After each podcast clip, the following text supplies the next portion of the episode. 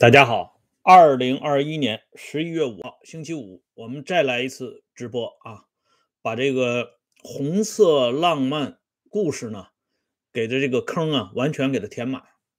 那么今天讲的这个节目啊，它的主角就是刚才我在第一次直播里边提到的，原来担任人民日报社社长的胡继伟，这位胡老先生啊，还是很有些风骨的。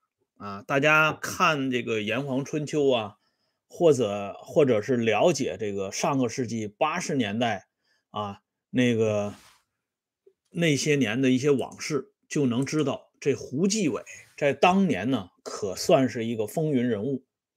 你看啊，他是人民日报社的社长，但是他提出什么呢？他提出这个人民性要高于党性。人民日报要办成人民的报纸啊，这一点呢，说实话，人民日报社历任社长还真没有人敢这么提。你包括当年的邓拓，他也不敢这么说。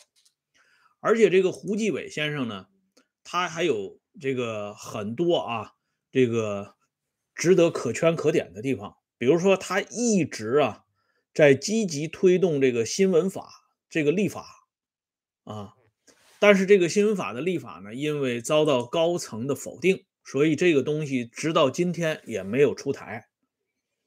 哎，而且呢，胡继伟这个人啊，明明呢他知道这个胡耀邦啊、赵子阳啊这些人已经都下台了，但是他还是啊替他们呢啊说一些公道话，特别是二零零五年老赵呢去世的时候。这胡继伟给中央写了一封信，要求啊中央公开给这个老赵平反，至少要开一个轰轰烈烈的追悼会，对人民有一个交代。那当然，这种信呢也是石沉大海，不会有任何的回应。所以后来这个胡继伟啊，越来越受到高层的高层的不待见，觉得这个老家伙确实是啊，这简直是有点给脸不要脸。所以就把他的职务呢一撸到底。这位老先生呢也不在乎啊，这个全国人大的专门委员会副主委这职务就丢了，他仍然呢大声疾呼，特别是在他的晚年啊，进入到本世纪之后啊，他对这个他曾经啊两次去投奔，他是两次到延安呢，第一次没有去成，第二次这才去上。他对这个当年心目中的偶像，包括他是这个做这个报纸、搞这个宣传出身的，所以他到延安之后，对毛泽东的那些讲话可以说是一场不落的都听过。他对毛泽东呢非常崇拜，毛泽东对他编的这个报纸呢《边区群众报》也是赞不绝口。这两个人当时在这个心灵上有高度的共鸣，所以这个胡继伟后来在本这个上个世纪五十年代初，一九五二年，就由毛泽东批准担任人民日报的副总编辑，啊，这个职务是相当高了。不光是由于他是个副部级的领导，更主要的是那个年代的人民日报可不像今天这个人民日报呢这么落魄。因为今天的人民日报呢，它有好几个风头，被中央电视台呀，啊，被这些这个呃代表中央口径的这些这个公众号啊等等这些现代化媒体所取代。当年这个人民日报，那是天地万物啊，都由它来发声。毛泽东起床干的第一件事情，那就是要翻看当天的人民日报。人民日报是由胡乔木直接代表毛泽东意志来进行管理和督办的，全中国啊，只有这人民日报最厉害。所以这个胡继伟当年还干过一件大事儿，就是上个世纪八十年代，就是邓小平主张批判电影苦练，所以这个解放军报呢，当时是拥护邓小平的这个决定啊，专门发了一个呃重磅的文章。啊，四项基本原则不容否定。但是解放军报的力度也没有人民日报大，因为党指挥枪啊，党报必须要登，所以那个时候呢，这个中央主管意识形态的领导人就找到胡继伟说：“人民日报赶紧转载解放军报的这篇评论文章，要发社论。”但是胡继伟就顶着不办。胡继伟也因为这件事情啊，丢了人民日报社社长的官帽子。所以我前边给大家啊不厌其烦的介绍了一下胡继伟这位老先生。从这里边呢，我们可以看到胡继伟先生呢，这是一个啊，用这个炎黄春秋他们经常讲的一句话，叫两头真啊，就当年呢真诚的投奔革命，晚年呢真诚的进行反思。特别是这个胡继伟这个晚年说过的一些话啊，这个二零零七年吧，他说过的这些嗯那些话，对党和人民的那种重新的评价，老实讲啊，那些话相当反动啊啊，一般人根本不敢这么说，何况这是一个有几十年党龄的老党员、老干部，说出这样的话。那简直让党和人民异常的震怒啊！哎，那么今天呢，我们就来讲一讲这么一个非常耿介啊，晚年有这么沉痛反思的老先生，他的一段红色激情片段。这胡继伟先生呢，他是四川人，四川威远啊，他的叔祖父啊，就是他的二爷爷啊，他爷爷的弟弟。啊，在四川呢，参加过辛亥革命。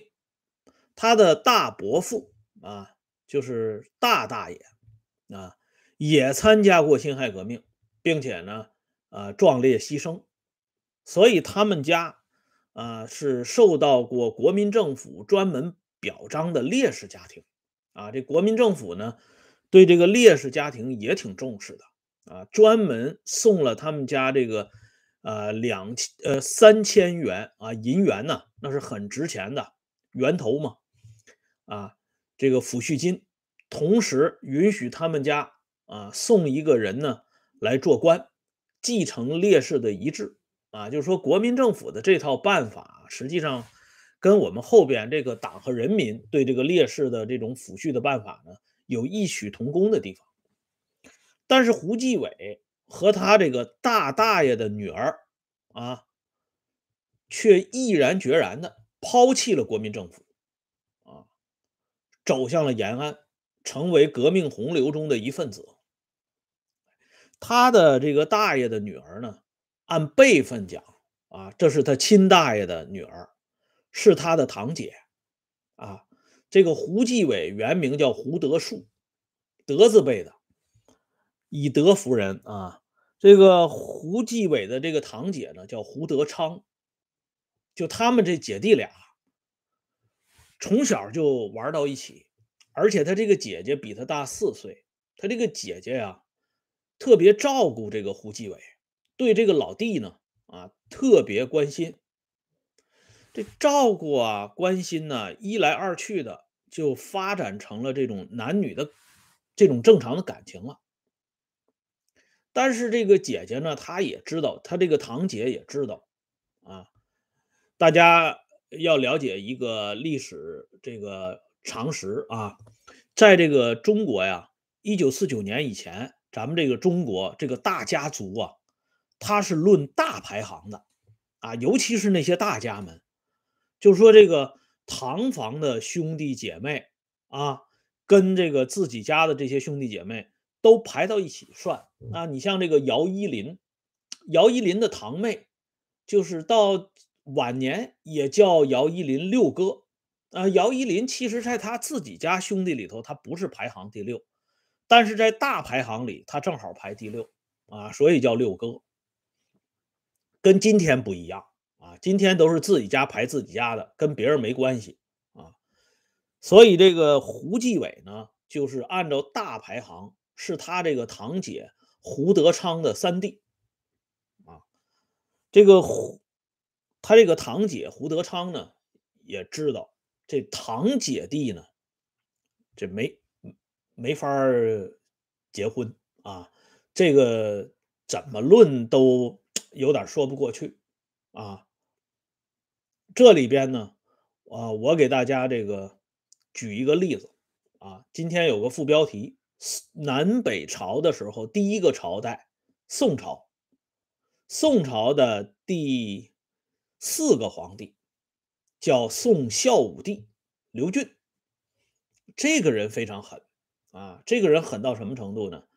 他的两个哥哥，他的叔叔啊，还有他的那些弟弟什么的啊，堂兄弟就更不用说了，杀了很多呀，就为了皇位。而且他这个叔叔南郡王刘义轩，这个人是谁呢？就是南北朝宋朝的开国皇帝刘裕。的亲儿子啊，这南郡王刘义轩造反，反对这个刘俊，被这刘俊这大侄子给宰了。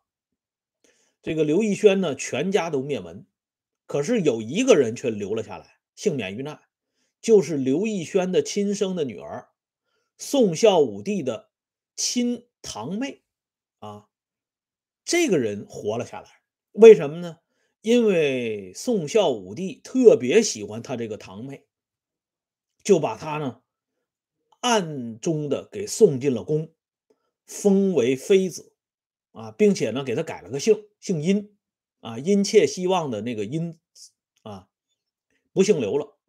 而在这个操作这件事儿的过程当中的一些知情人，都被宋孝武帝给干掉了啊，因为这要灭口。换句话说呢，在最为旷达啊，我们都知道嘛，这个魏晋南北朝是中国历史上最风流、最旷达的时代啊，很多人都不是特别这个计较这些小节啊。即使是在那么旷达的时代里，即便是高层皇族，他这个堂兄妹或者是堂姐弟之间通婚，那也是为大家所诟病的。宋孝武帝那么作恶多端，那么这个无所畏惧，可是他对这件事情上呢，也是讳莫如深，否则他不会把中间经办人给灭口了。结果呢，这个宋孝武帝的这个堂妹呢，跟这个孝武帝两个人好日子不是特别长，生了两个啊孩子以后呢，这贵妃呢就去世了。嘿，这宋孝武帝特别的难过呀，啊。他最喜欢这个堂妹了，这一去世呢，他就茶饭不思啊，他就告诉底下这些大臣们啊，我告诉你们啊，谁要是能够表现出对贵妃的忠心耿耿，我就提拔谁啊，朕啊就表扬谁。这皇上一露出这个苗头，那底下的人跟风的那就太多了。有一个叫谢庄的。啊，这也是王谢大族里边的一个分子。这老兄呢，写了一篇文章，就是痛悼啊贵妃的。孝武帝这个人虽然很凶狠，但是这个人呢，文章写的也很漂亮。所以他拿到这篇文章一看，马上就坐起来了。他说：“这文章写的太好了，告诉大家，都把老谢这篇文章背诵一遍啊。”然后提拔这个谢庄呢，当了金紫光禄大夫，啊，这个官儿是非常高的，类似于今天的这个呃委员长或者是主席之类的这个职务啊，这属于相当于这个副国级干部啊，一下子就给提起来了。然后呢，这个底下有一个叫刘德愿的官员，这个官员呢级别一般，就是个厅局级干部，他呢一看啊，谢庄。靠写这文章捞到这么大好处，他也忍不住了。但是刘德愿他写不了文章啊，他怎么办呢？哭，抱头痛哭啊，哭天抢地呀，那就仿佛亲妈死了一样。估计亲妈死他也没有这么哭过，哎，就哭的在场这些人都目瞪口呆啊。这宋孝武帝在幕后就看到这一幕了，说老刘够意思啊，啊。对贵妃这一腔热忱，别人比不上啊！马上提拔，进入到省部级领导干部行列当中，封为豫州刺史啊。这相当于包括今天河南省在内的这么一大片的地区的一把手啊。这这刘德愿终于如愿以偿啊，当上大官了。那后边呢，就是在这个宫里头服务的这些人，那更得哭了。你们伺候过贵妃，哭是你们必须的。这个哭呢不升官，就是谁哭不好，反而要降职。这个太医院呢？首当其冲，因为你们给贵妃治病也没治明白，你们如果再不哭上呃几场，那你们还是人吗？但是大家真的哭不出来呀，所以这个时候呢，有一个叫杨志的医生啊，这不是那卖刀的杨志啊，这个杨志这医生呢，哭的就特别好，所以后来他的朋友就问他说：“老杨，你怎么能哭得这么好呢？这么悲伤呢？”这杨志也是啊，没忍住说了一句话。他说：“嗨，那我哪是哭贵妃呀？啊，杨志说他的小老婆也刚刚去世，他是哭他小老婆呢。这话呢是万幸没有传到宋孝武帝的耳朵里，否则的话，这杨志啊就不用卖刀去了啊，直接卖肉去了啊。呃，后来呢，就这个孝武帝和这个他堂妹。”这贵妃呢生的这儿子刘子鸾，还一度要被立成太子啊，没没当上，所以宋孝武帝的宝贝儿子，也就是前废帝刘子业继位以后，对他的这个老弟恨之入骨啊，想方设法就把他这个老弟给弄死了，而且呢，把贵妃的这个坟墓也给平了，甚至呢，他要把他老爹孝武帝的坟也给平了。啊，谁让你当年想把我这个从太子的位置上赶下来呢？至于那些啊，这个以哭成名的谢庄啊、刘德愿呢，这些人都被刘子业轮番给收拾了一一顿啊，差一点都掉了脑袋。这是这么一段历史。那么讲这段历史呢，就是告诉大家，这个堂房姐弟、堂房兄妹啊。他们之间这个恋爱结婚呢，在咱们中国古代那是很忌讳的。中国古代啊，甚至有一种说法叫同姓不婚。比如说两个人都姓王啊，大家一见面，包括在今天都有这个习惯啊，我们俩都姓王，五百年前是一家啊，这当然是一种笑话。可是，在古代，比如说两个都姓王的，一般不结婚啊，就怕真的是啊，多少代以前是一家人，怕这个乱了套了，哎。你说这个姑表亲、姨表亲、表兄妹、表表姐弟啊，这个有结婚的，但是堂姐弟、堂兄妹这个很少很少啊。所以这胡继伟跟他这个堂姐之间呢，一开始这段这个感情就没成。后来呢，这个他这个堂姐就跟一个教师就结婚了啊，并且呢有了孩子了。到了一九三九年。啊，十一月下旬的时候，这个胡继伟和他的堂姐胡德胡德昌两个人又碰到一起去了。这次呢，这两个人的感情呢就彻底爆发了。要知道啊，这时候他的堂姐胡德昌是有夫之妇啊，没离婚呢，而且都生了两个孩子了。胡继伟的回忆的原文，我给大家念一下啊，不愧是人民日报社社长啊，你看啊。离别在即，我们都难以压抑情感的冲动。我和堂姐终于携手攀登了八年来这场恋爱所达到的身心交融的顶峰。这段话啊，写的非常漂亮。这个既能够直抒胸臆，而且呢，还非常的艺术。人家没直接告诉你啊，男女之间那点事儿，人家讲的是身心交融的这个顶峰。哎，你要老百姓，咱们这些没啥文化的老百姓，啊，那一说这事儿，那就是叮咣叮咣叮咣干呗，对吧？你只能用这种非常低俗粗俗的语言来形容这么美好的画面，这么激情的片段。而人家这个人民日报社社长呢，人家就特别会这个写文章，人家叫啊，达到身心交融的顶峰。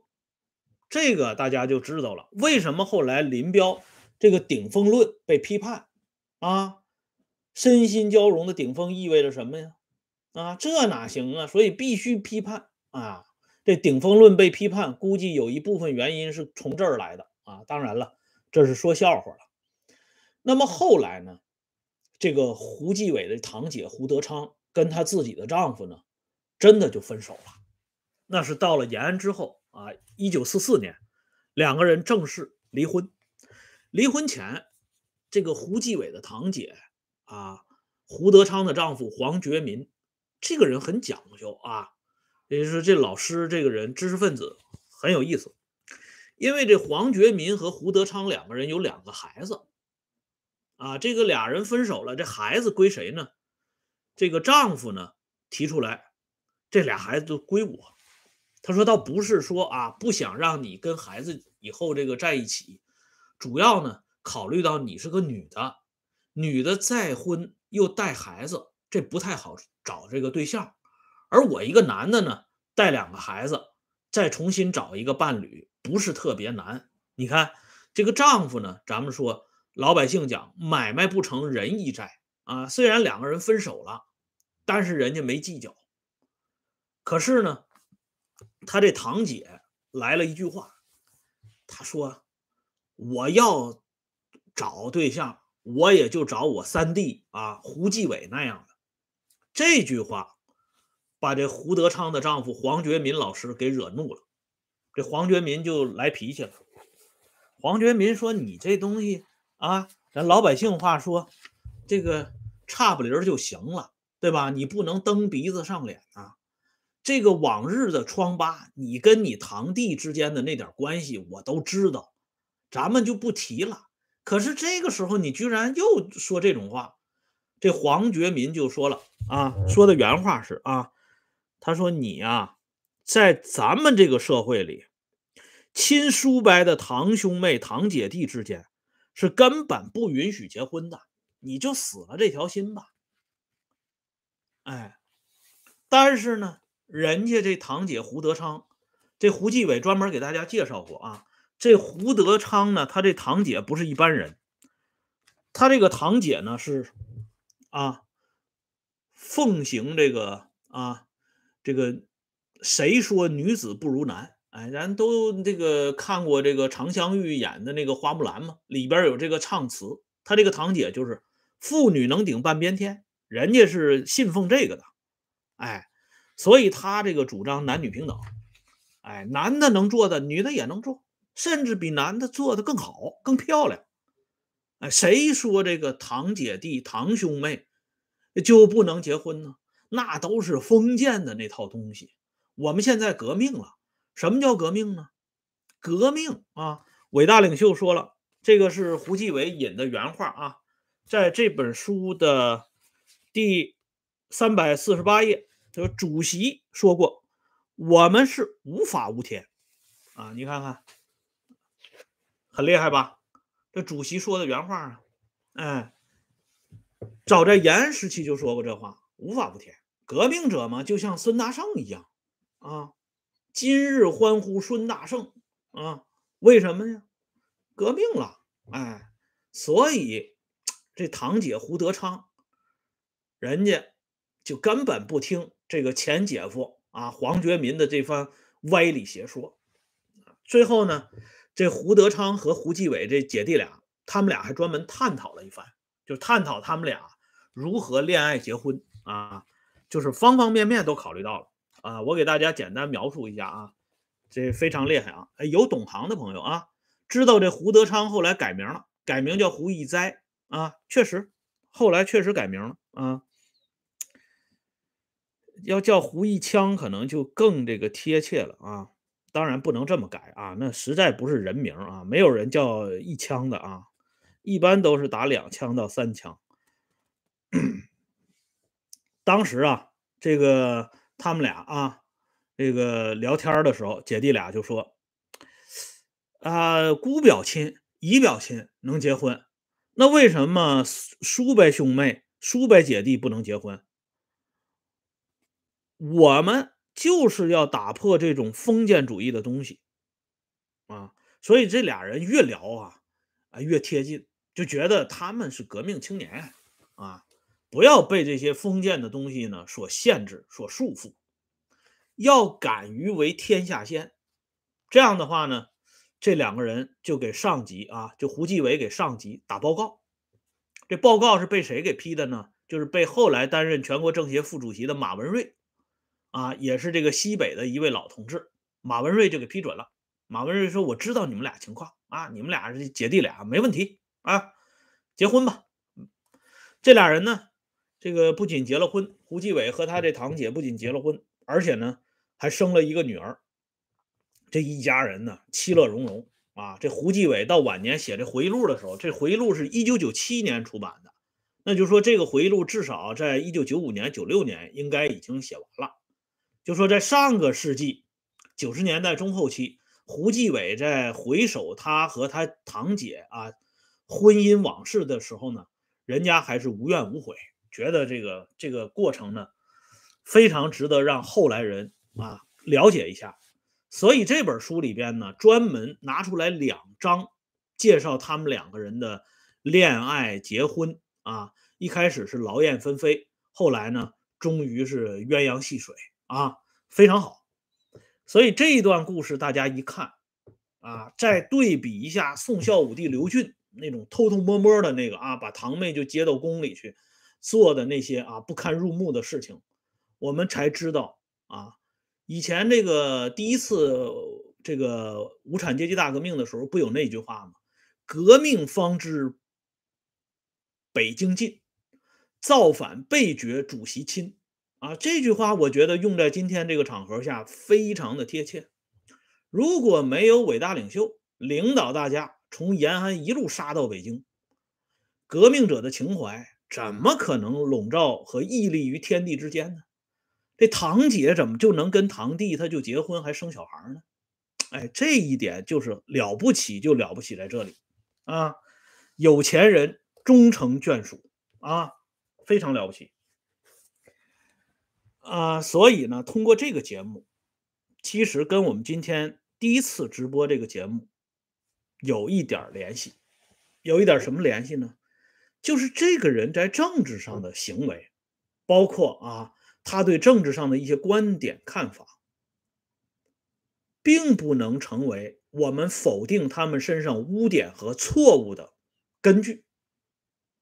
上一次呢，呃，直播我们讲的是毛泽东，啊，你不能由于在政治上对毛的这种看法，进而把毛说过的所有的话都进行一概性的否定。那么胡继伟这么一个晚年。